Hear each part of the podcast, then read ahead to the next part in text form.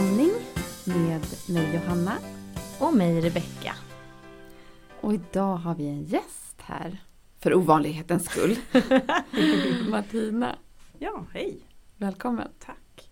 Jätteroligt att ha dig här. Verkligen. Kul att vara här. Och du har ju ett eh, barn hemma på dryga sex månader. Sex månader och lite till. Ja, Mm. precis. Berätta. Eh, hur, eh, hur startade allting för dig? Med längtan. Mm. Jättemycket längtan. Eh, jag har Knut då, som är sex månader och han är en IVF-bebis. Så det började med längtan. Det gick relativt snabbt.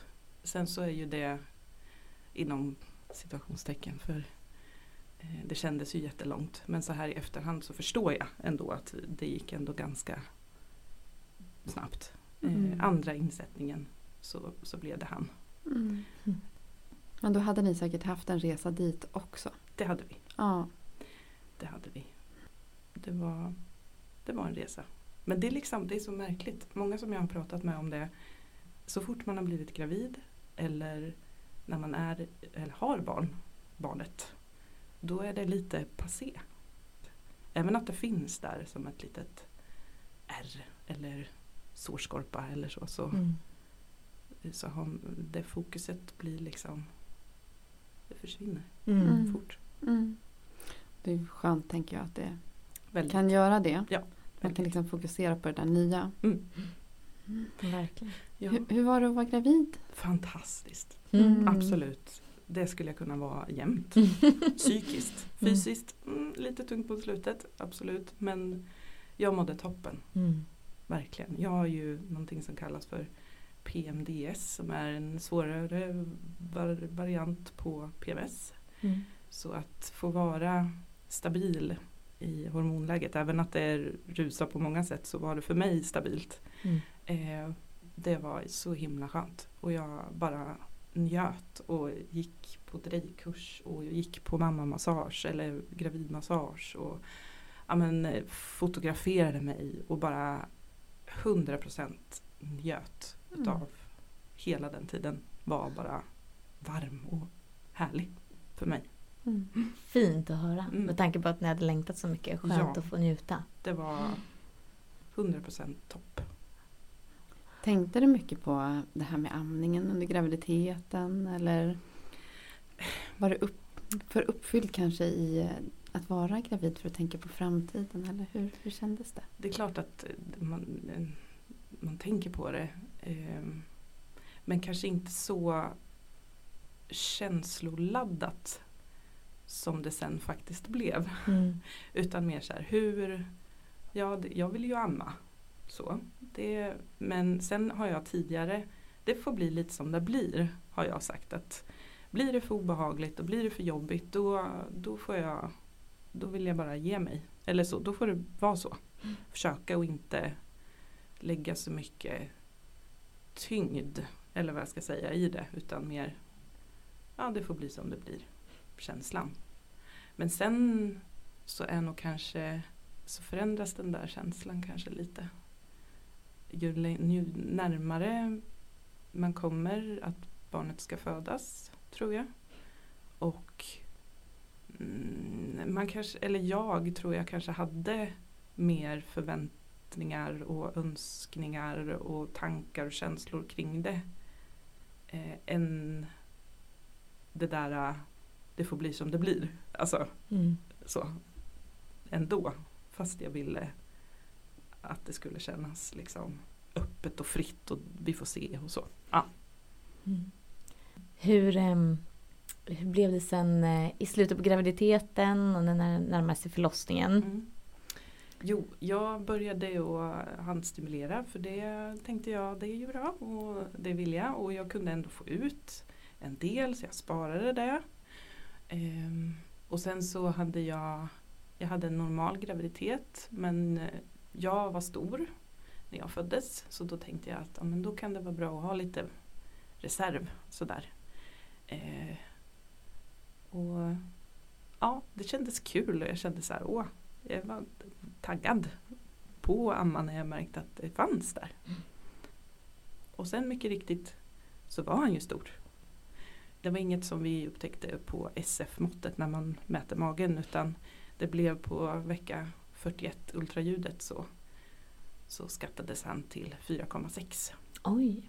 Mhm. Ehm, så då ganska snabbt så beslutade man att ja, men, nu ska bebis få komma ut. Då. Satte de igång Ja, förlossningen då? Precis.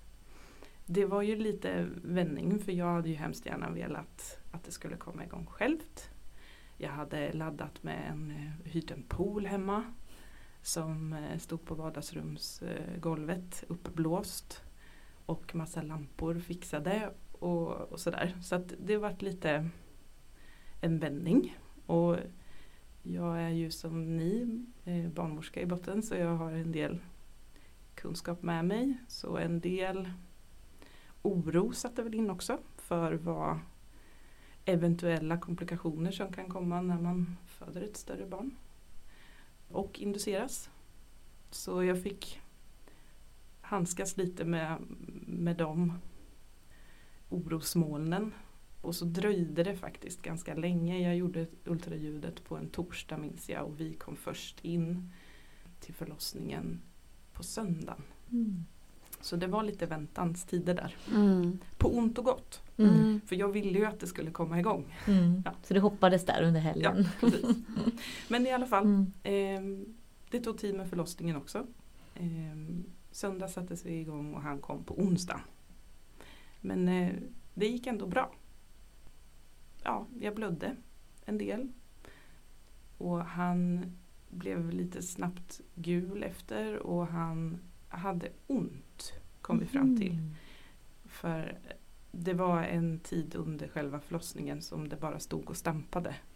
Och då tror vi att han låg på något vis som, som sen gjorde att han blev ganska röd i ansiktet på ett avgränsat liksom, område. Mhm.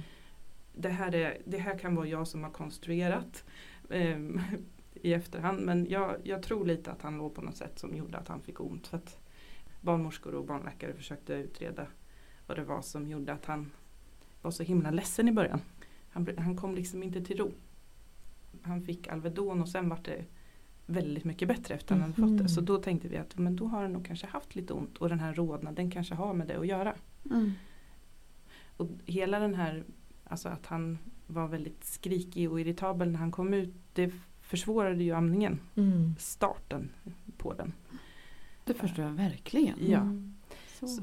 Och sen blödningen, Mm. ehm, det är ju den där första absoluta tiden, ögonblicket när man får upp dem på bröstet och den, den är ju så Ja, jag ville helst att det bara skulle få vara ostört. Mm. Jag hade skrivit i mitt brev att om jag behöver sys då vill jag gärna vänta med det. Mm. för att eh, få den här första timmen, timmarna att bara få låta bebisen leta och, och få tid på sig. Så. Mm. Eh, men det blev ju inte riktigt så då. Jag fick Mm. ha honom hos mig hela tiden Mm. under själv när de jobbade på med Mm. blödningen. Mm. Det var jätte, jättebra. Så du var kvar i alla fall på rummet? Du behövde inte åka Precis, jag var kvar på rummet Mm. och eh, det gick väl ändå ganska snabbt. Men jag minns att min första tanke var att åh, här har vi en bebis med väldigt mycket kraft och han skrek Mm. väldigt högt och det var ju väldigt skönt. Och sen så när jag fick upp honom så såg jag att när han tystnade lite att han sög väldigt, väldigt kraftfullt på sin egen läpp, Mm. underläppen och då tänkte jag oh, Hopp, oj då vad du vill snutta. Och sen för att lugna honom så eh, eftersom att han inte kunde komma åt mitt bröst just då så stoppade jag fingret i hans mun och kände att det var väldigt kraftfullt. Så det var ju hoppfullt och sen, men också lite så här och det här med taget och gapet och, och att han snuttade på sin läpp. Och, ja, jag, jag skapade ganska snabbt lite orosmoln kring det. Mm. Jag förstår. Ja. Jag tänker i den här, liksom när den akuta situationen hade lagt sig med blödningen. Mm. Tänkte man, pratade man någonting om, tänker ni själva någonting på fördelar med att stimulera brösten för att hjälpa till att dra ihop livmodern liksom, eller hålla livmodern lite mer ihopdragen eller var det någon som sa någonting om det? Alltså uppmanade till det? Nej, det kan jag inte påstå att det var. Mm. Ehm, Jag fick ju alla läkemedel som Mm. man kunde få. Mm. Men inte det. Nej. Mm. Och i den akuta situationen så är det ju såklart svårt. Men Ja. jag tänkte liksom när den hade lagt sig lite. Det kan man ju, ni som lyssnar, liksom ha med er i bakhuvudet. Att det finns ju faktiskt en sån eh, koppling. Mm. Med stimulering av bröst och hjälp för livmodern att att dra Mm. ihop sig. Mm. För det, det var det som du trodde var anledningen till blödningen, att det var livmodern som var lite avslappnad? Inte? Ja, Mm. precis. Ehm, sen så, precis, Ja. den, den orkade inte. Nej. Den hade ju hållit på väldigt länge. Mm. Så att eh, eh, dels det och sen moderkakan släppte inte riktigt. De, eh, och den var väldigt, väldigt stor. Mhm. Men jag tänker det var ju jättepositivt att du hade handstimulerat innan. Ja, Och hade du med dig den råmjölken? till- Ja. ja. det hade jag. ja. Eh, vi fick stanna på förlossningen ett tag för det var fullt på BB. Och jag hade inte riktigt, vi hade förvarat det på förlossningen i en eh, frys där. Men sen så fick vi aldrig tag på den. Nej. Jag bad flera gånger om att, eh, men den, den förs- kom bort. Ja, vad tråkigt. Det var synd. Mm. Men, Men, jag, ändå fördelar såklart att du hade stimulerat även ifall att nu den mjölken inte gick att nyttja. Men, ja, men ändå. Eller jag liksom började sen när vi kom till BB och mjölka ur också. För att fortsätta hålla igång så. Mm. Också för att det var lite lurigt där precis i början eftersom att han var så ledsen och Mm. arg och, Mm. och sådär. Mm. Mm. Kunde han acceptera att få det urmjölkade på någon sked eller kopp eller så? Eller hur Ja, funkade det? Det Mm. gick bra. Vi gav eh, faktiskt på sån en milliliter spruta. Mm. För som han tyckte ju väldigt mycket om att, att suga så han sög på fingret och sen så kunde vi spruta i mungipan. Mm. Det var toppen. Mm. Mm. Det gick bra. Det, han hade lite, eller vår första problematik eller vad jag ska säga var att han eh, öppnade liksom inte upp munnen. Jag har ganska stora bröstvårtor. Så att han ville gärna så här suga in bröstvårtan i Mm. munnen. Och då knep han ju nästan ihop snarare än att kunna liksom dra ur mjölken. Och det gjorde ju ont Mm. också på mig. Så att vi höll på med det där eh, ett tag. Fram och tillbaka där på BB. Men till sist så släppte det lite en natt vill jag minnas. Och han fick bättre tag och, och sådär. Men han blev gul ganska så snabbt. Så vi eh, fick ge lite, jag gav formula som ersättning. Egentligen för min egen skull. För det var två stycken som barnmorskor, någon var sköterska tror jag som, som avrådde faktiskt. Eh, och, och trots all min kunskap som jag har som barnmorska så det liksom försvinner. Mm. Mm. Och man bara, ja men han måste få, han måste få i sig, han är ju gul och Mm. Bara och, mamma. Ja, Mm. verkligen. Och sen tillfredsställelse sen att han blev nöjd Mm. en lite längre stund. Och det är ju så, det blir ju så. Det tar längre tid för deras magar att ta hand om den mjölken. Mm. Det var Precis. väldigt tillfredsställande för mig i alla fall. Jag Ja. förstår det. Ja. Precis som du säger Martina och som vi är vana vid när vi jobbar på BB så är det ju så att många föräldrar kanske upplever en stress i det här. Eh, Att det finns anledningar till att barnen eh, inte, inte ammar eller, eller att de blir lite gula. De, de känns kanske lite slöa, behöver pigga på sig om man då enstaka gånger vill ge, Mm. ge formula. Och det förstår man ju. Och där är man ju den vägningen. Hellre då kanske göra det några gånger än att det förstör den här starten som det kan göra ibland med stressen. Mm. Stress påverkar jättemycket negativt amningen också. Och det är en så snårig väg på något vis. Där, för att, Verkligen. ja, men som jag sa, trots att jag vet att det går bra. Man kan Ja. vänta. Ja. De har, de har så mycket resurser ändå. Så är det något eh, primalt typ som Mm. tar över. Mm. Och bara, åh, ja. Ja, men man, vill, man tänker att man vill göra, man vill stilla barnets hunger Ja. eller oro och tänker att Ja. det är det snabbaste och enklaste sättet. Och Mm. såklart, men, men eh, där brukar jag bara vara så tydlig med att vi gör som ni vill. Mm. Men att man är tydlig med att förklara skillnaderna. Precis Mm. som det du sa. Att den är mer hårdsmält eh, ersättningen. Så de är mättare längre och det, det är naturligt. Mm. Medan bröstmjölken har en annan sammansättning. Att den är mer lättsmält och att de behöver äta lite oftare. Mm. Men att just råmjölken är så himla näringsrik så att det räcker i mindre mängder. Mm. Och vi vet ju Mm. att det är vanligt att man har svårt att känna till lite i sin egen kropp. Mm. Och jag själv tyckte som också har en IVF i bakgrunden att, att inte bli gravid spontant stärkte på den känslan lite. Så här, Mm. min kropp kan inte. Mhm. Eh, jag tänker ifall man inte kommer igång i förlossning själv att kanske kan det stärka på extra mycket på den känslan. Eller, Absolut, där sätter du nog verkligen fingret Mm. på, mm, på, på det hela. att det kan faktiskt påverka Mm. Mm. längre än vad man kanske kan föreställa sig. Mm. Känslan till sin egen kropp. Mm. Och men det, ja, det och sen att min kropp, det sorg, inte kom igång i förlossning själv. Och då också måste jag ju hjälpa den Mm. här amningen också för varför skulle det Mm. komma igång? Precis, varför Mm. skulle det fungera för Ja. mig? Precis. Mm. Hmm. Insiktsfullt. Mm. Mm. Men vad hände sen då? Jo men sen så liksom löste sig. Som sagt jag sa ju där att vi kunde amma andra natten. Och jag minns att jag bara var vaken och tog en massa bilder och, och tyckte att allt var sådär härligt. Liksom fick landa i att ja, men, gulheten var ändå stabil och han eh, föddes med väldigt bajsigt vatten. Så han fick en liten Eh, infektion men man visste inte riktigt om det var på grund av själva förlossningen för att den var lång eller om det var för att han hade fått i sig lite utav det här vattnet. Men eh, det var också stabilt så då ehm, så på fredag, fredagens morgon så kom det in en barnmorska och sa att ni får åka hem och då så bara ja, det är vi redo för. Och det kände jag verkligen. Nu, nu har vi fått igång det här och han mår bättre och jag mår bra och känner mig stark. Så då åkte vi hem. Och det var ju väldigt märkligt också samtidigt att få lämna och komma hem. Det finns en bild på mig och Knut i soffan när vi precis har kommit hem.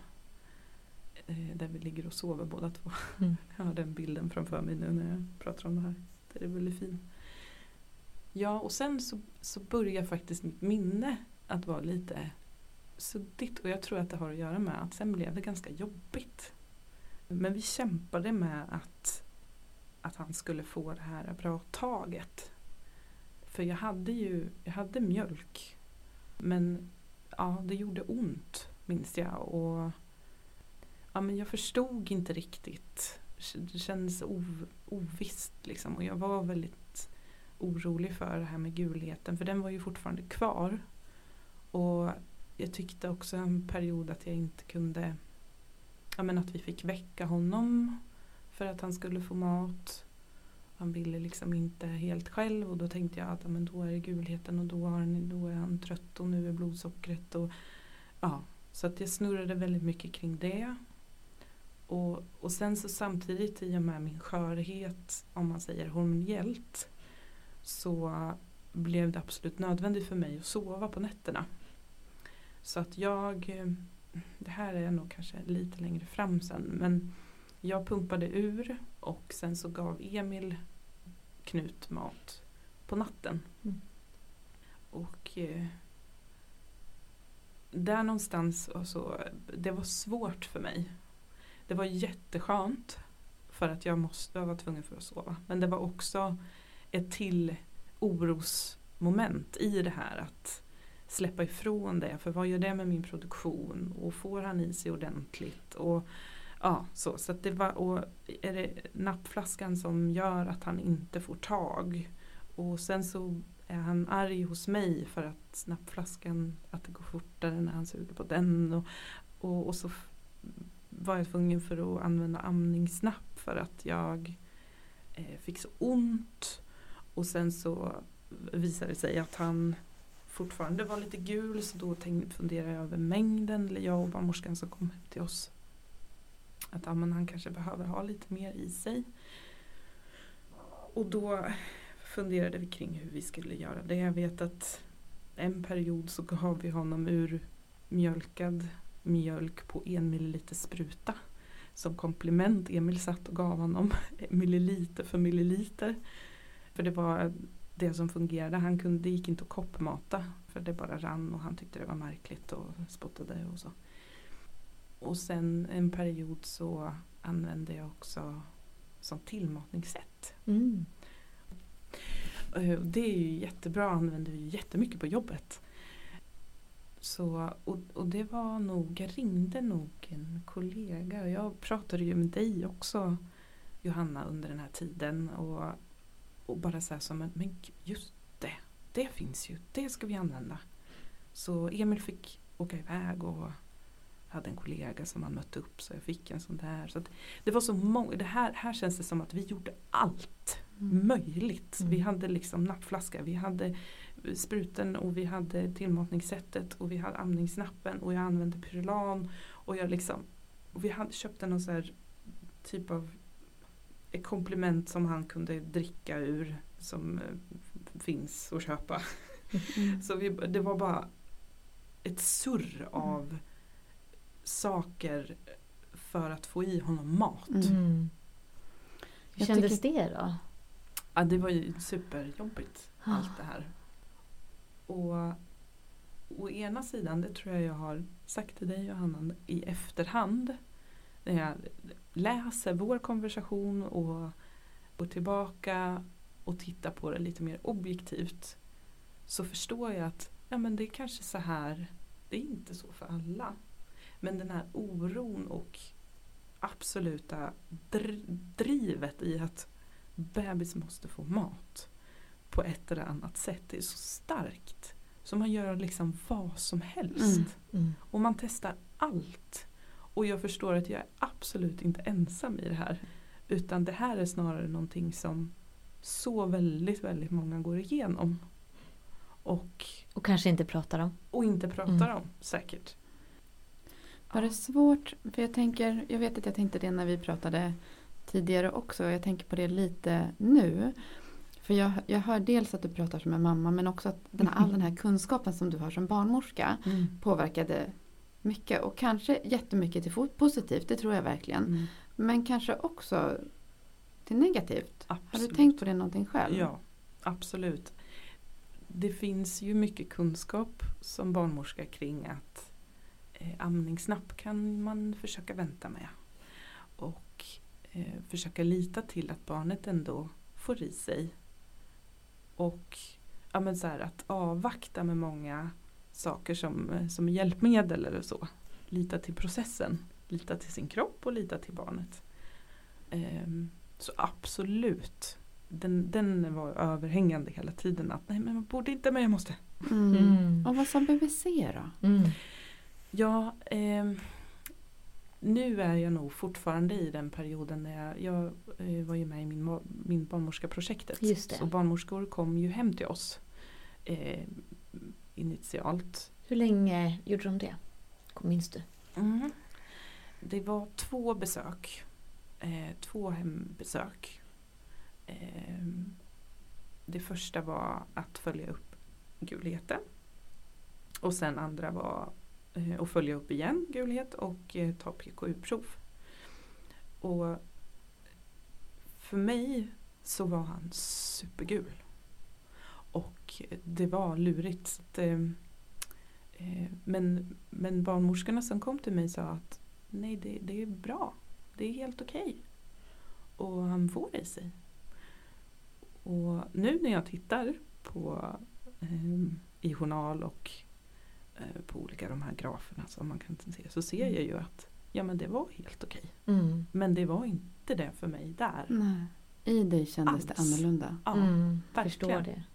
Så, och jag, jag kunde inte lita på något annat än på mig själv där kände jag. Nej. Och knappt det. i Mm. allt det här. Så det var väldigt liksom typ, ösigt på något vis. Eller hur Ah. jag ska förklara det. Liksom bara, ja. Tror du att din barnmorskeperson som du ändå har liksom där i bakgrunden gjorde att det blev svårare att lita på vad de sa? Alltså, eller tror du att det var mamman i dig som, Mm. som kände att du behövde?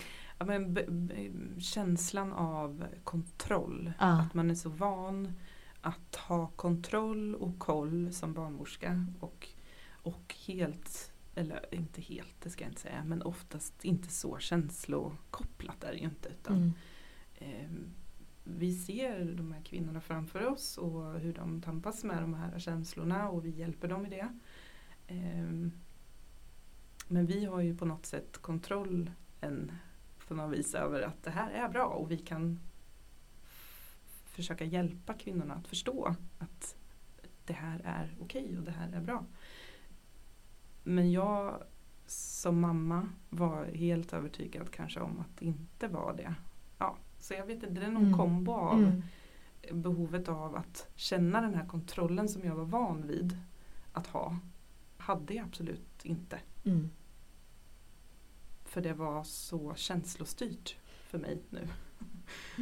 Förstår. Var det någon som satte sig ner mer och frågade så här, men vad, vad funkar bäst och hur vill ni göra? Alltså i allt det här, alla de här som du beskriver, alla de här grejerna ni höll på med. Eller var ni tvungna själva att sätta er ner och nu Mm. Ja. får vi...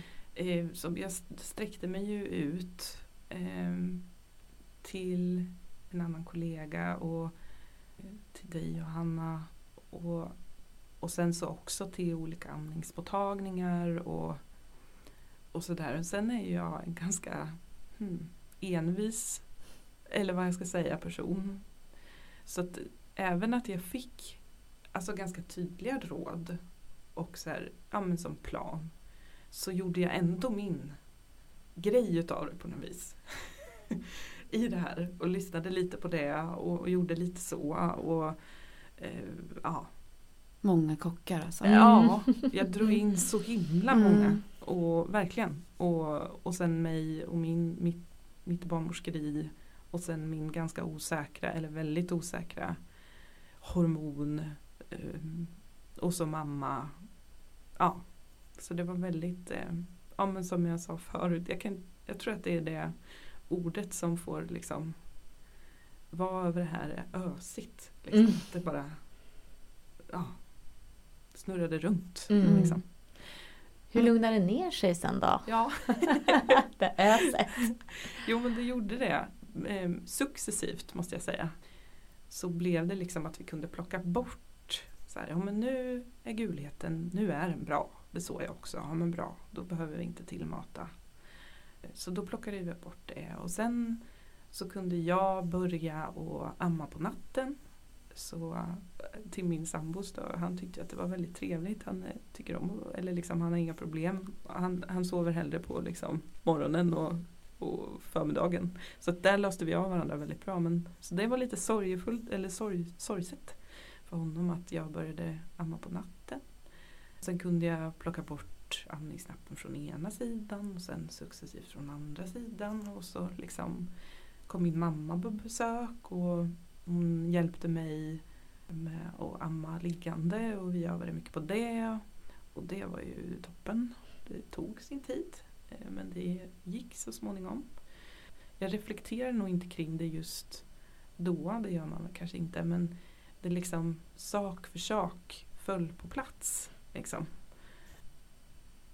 Till, tills att jag liksom minns det som att det var enkelt. Eller det bara var. Så kanske snarare. Att det bara eh, hade blivit, en, blivit bra. Att amningen bara kändes liksom sådär bra. Ja. Ah, Mm. Du hamnade i det. Ja. Gud Och jag, och jag kunde liksom amma när som helst och hur som helst. Och folk runt omkring. Och det var liksom bara jag var ute och klippte gräset. Det är inte att rekommendera. Mm. Eh, och, och Emil hade Knut och liksom nu får du komma, nu är det dags igen. Och jag bara ja absolut. Och jag kände mig väldigt fri där. Mm. Men då förstod jag också att så här, gud det är väldigt ofta alltså. jag får ju inte klippa klart det här gräset. Men okej, jag kommer. Det var ju, det, ja. Eh, Så då styrde han. Då styrde han Mm. och visade mig tydligt och jag förstod. Och jag kunde förstå skillnaden på att nej men nu är han trött och nej men nu är det mat. Och, och ja, vi åkte iväg, kanske inte heller att rekommendera, men när han var sex veckor så åkte jag hem till min familj och hälsade på. Och stannade vid någon mack och bara ammade och så körde vidare. Och, ja, nej, men det bara blev kändes eh, som man reflekterar ju kanske inte kring det när man är i det. Men nu så här i efterhand så blev det så himla bra till Mm. sist. Och det Mm. är jag väldigt glad för. Mm. Mm.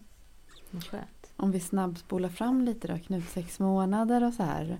Hur känns eh, den här stressiga, ösiga delen? Eh, har, du, har du tendenser att känna den nu? Absolut. Ja. Absolut.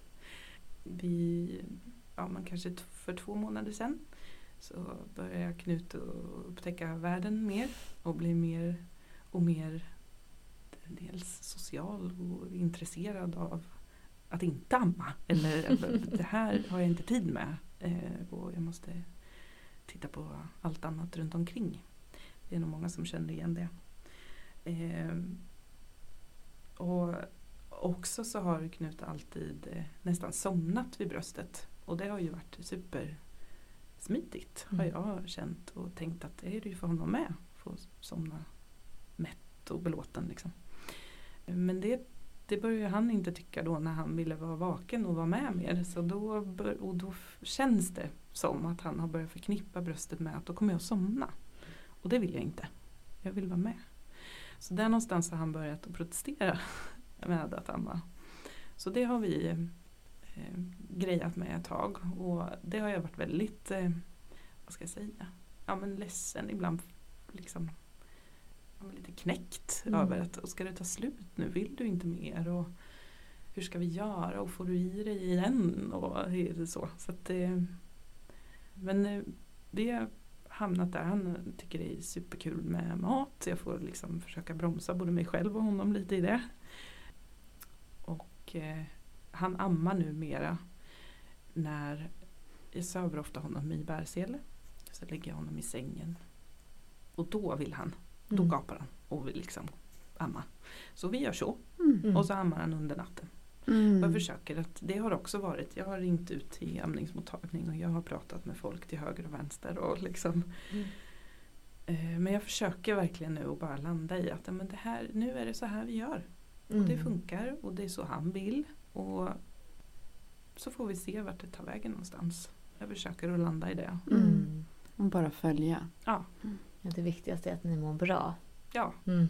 och han går upp i vikt och Mm. vissa gånger som han kan vara vaken och amma och då njuter jag till fullo. Ja, Mm. pass på. Ja, men jag försöker också, det är ju väldigt mysigt att amma när han, han sover också. Liksom. Det är det. Mm. Så där är vi idag. Mm. Vilken Mm. resa. Ja, Mm. det är det. Verkligen. Verkligen. Det är väldigt, väldigt bra. Fint att ha det här Martina. Du beskriver alla de här, det här öset. Mm. Precis som du säger.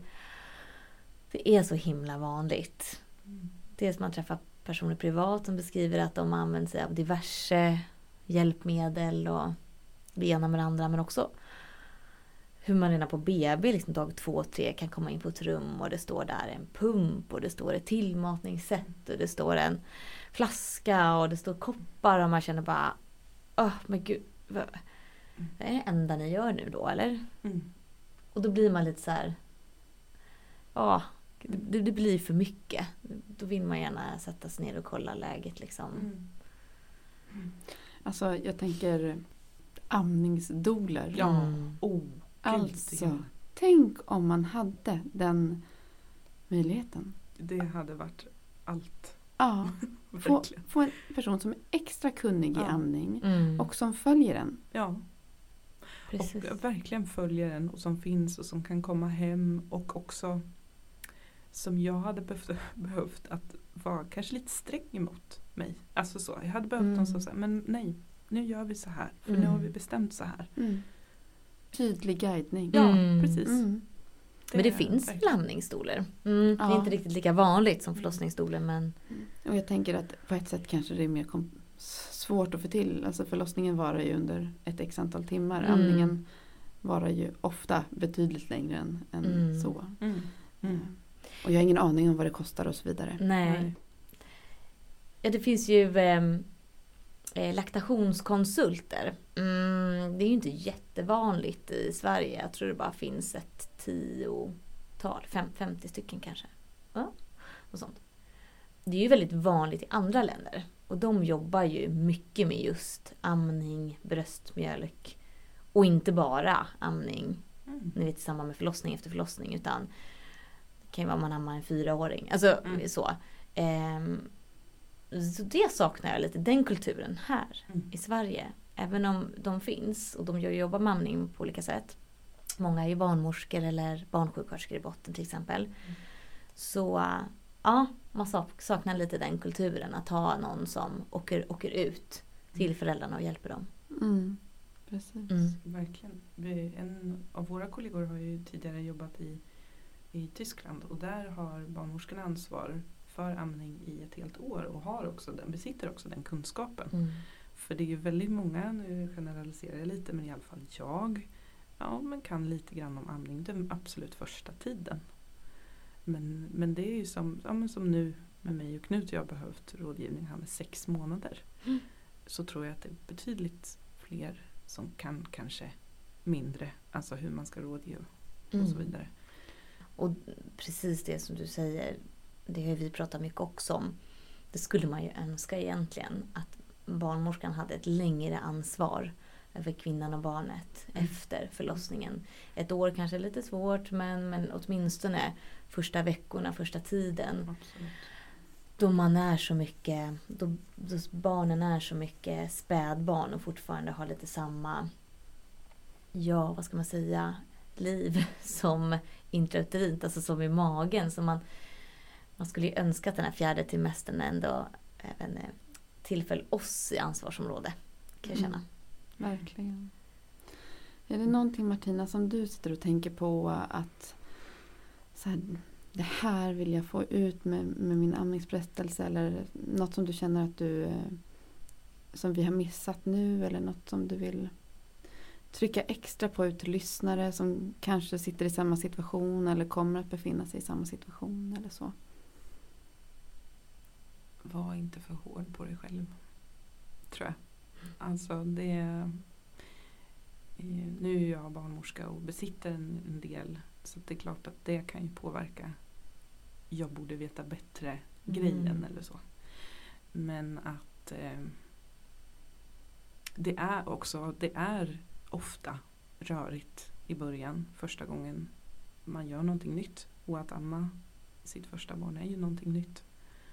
Det är oftast ingenting som funkar sådär. Liksom. Mm. Även om vi önskar att det gjorde det. Så kan det vara en, en snårig väg initialt. Men det vill jag ju nog ge lyssnarna att eh, eh, det tar tid och det måste få göra det och det måste få vara jobbigt och låt det vara jobbigt och prata om att det är jobbigt eller sen om ni vill prata om det eller vad nu. Men att ja, det, det är så, man är så sårbar. Man är Mm. så öppen. Det är nog det. Att liksom kanske så här preppa sig lite på att eh, det, det, det som kanske är dumt att så här, det kan bli jobbigt men, men ändå lite så att Mm. eh, eh, var, ja, men ha det med sig lite som att eh, det får vara okej om det blir det. Liksom. Mm. Så, och, eh, och ta hjälp om det är jobbigt. Mm. Om du kunde spola tillbaka tiden Mm. skulle du ha gjort någonting annorlunda? Jag tror inte att jag skulle kunna ha gjort det faktiskt.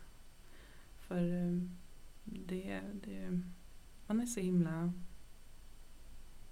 eh, man, man är ju liksom bara den man är. Mm. liksom. Det är bara man har det man har och man är den man är och det blir bara. Så att jag kan inte, jag kan inte säga det riktigt. Jo, att jag ja, men inte hade varit så hård. Det är väl Mm. det. Att jag inte Mm. hade varit så hård mot mig själv. Att Mm. så här, ja, men prestationsmässigt så. Utan att jag hade varit lite mer plockat fram den här professionella Martina och sagt Mm. att så här, vet du, det går bra. Mm. Det är helt okej. Mm. Känner du att det finns eh, något positivt i att du har fått, vad ska man säga, gå igenom alla de här eh, momenten och du har fått prova väldigt mycket. Jag tänker så här spontant att när du kommer tillbaka till jobbet, förstå vilka erfarenheter. Alltså det är ju Alltså jag bara känner sån otrolig ödmjukhet Mm. kring absolut förlossning men, men kanske framförallt den första tiden efter. För verkligen att jag har suttit och sagt så här att ja, men det är bara amma på. Bara Mm. amma på och det är normalt att det är så här ofta. Och så.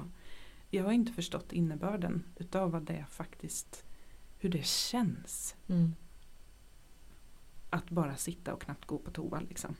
Nu gör jag det från mitt perspektiv. Det är långt ifrån liksom allas erfarenhet. Men, men en li, lite mera av hur det kan vara. Är ju otroligt eh, dyrbar erfarenhet. Verkligen. Som gör det kanske än mer svårare också. Eh, faktiskt. För att man blir känslomässigt mera engagerad i sitt jobb. Liksom. Eh, för att man har varit med om, om det själv. Så oh ja, det är Mm. verkligen ovärderligt att ha fått vara med om själv. Verkligen. Mm. Jag tänker att det kommer hjälpa dig i, i bekräftandet. Mm. Ja. Ja, att ha, ja men verkligen. Mm. Mm. Känna in lite var, var, som du brukar tjata om, var de är någonstans. Mm, jag tycker det är viktigt. Mm. Och jag blir så jätteglad liksom, att höra att ni hade det ganska ordentligt tufft de första veckorna. Men tog hjälp. Ja. Så många som inte gör det. Mm. Mm. Av olika liksom, känslor. Skam och skuld. Jag kan inte. Jag borde kunna. Mm. Vem ska jag vända mig till? Och så Mm. vidare. Ja, jag Så tänker modigt. också framförallt, eller framförallt kanske inte, men just det här vart, Mm. vem, Mm. så. Mm, det kanske tål att upprepas, det har ni kanske pratat om, men eh, BVC, MVC, Mm. amningsmottagningar, även att det är kanske lite mer begränsat nu än förut. Vad har vi mer? Jag, kan- jag, precis det du säger så tycker jag det är en av mina just nu stora liksom hjärtefrågor. Jag tycker att det är så himla avsatt. Alltså det, det här med amningsstöd, Mm. vårdkedjan. Mm. För det du säger nu, det har så många uttryck den senaste tiden. Både, ja, både på privat plan och på, på jobbet. Mm. Där vart man ska vända sig någonstans. Mm. Och det är ju så tragiskt att det ska behöva vara så. För de flesta har ju generellt koll på, ni vet, stukar jag foten så vet jag vart jag... Alltså, Mm. förstår ni vad jag menar? Men när det kommer till amning, det är så eftersatt. Mm. Och så här, som du, du, om man har problem vid sex månader. om Man kanske söker sig till en vårdcentral. Det blir ju jättetokigt. Mm. Exempelvis. Mm. Jag tänker att vi ska prata väldigt mycket om det i vårt sista avsnitt. Mm.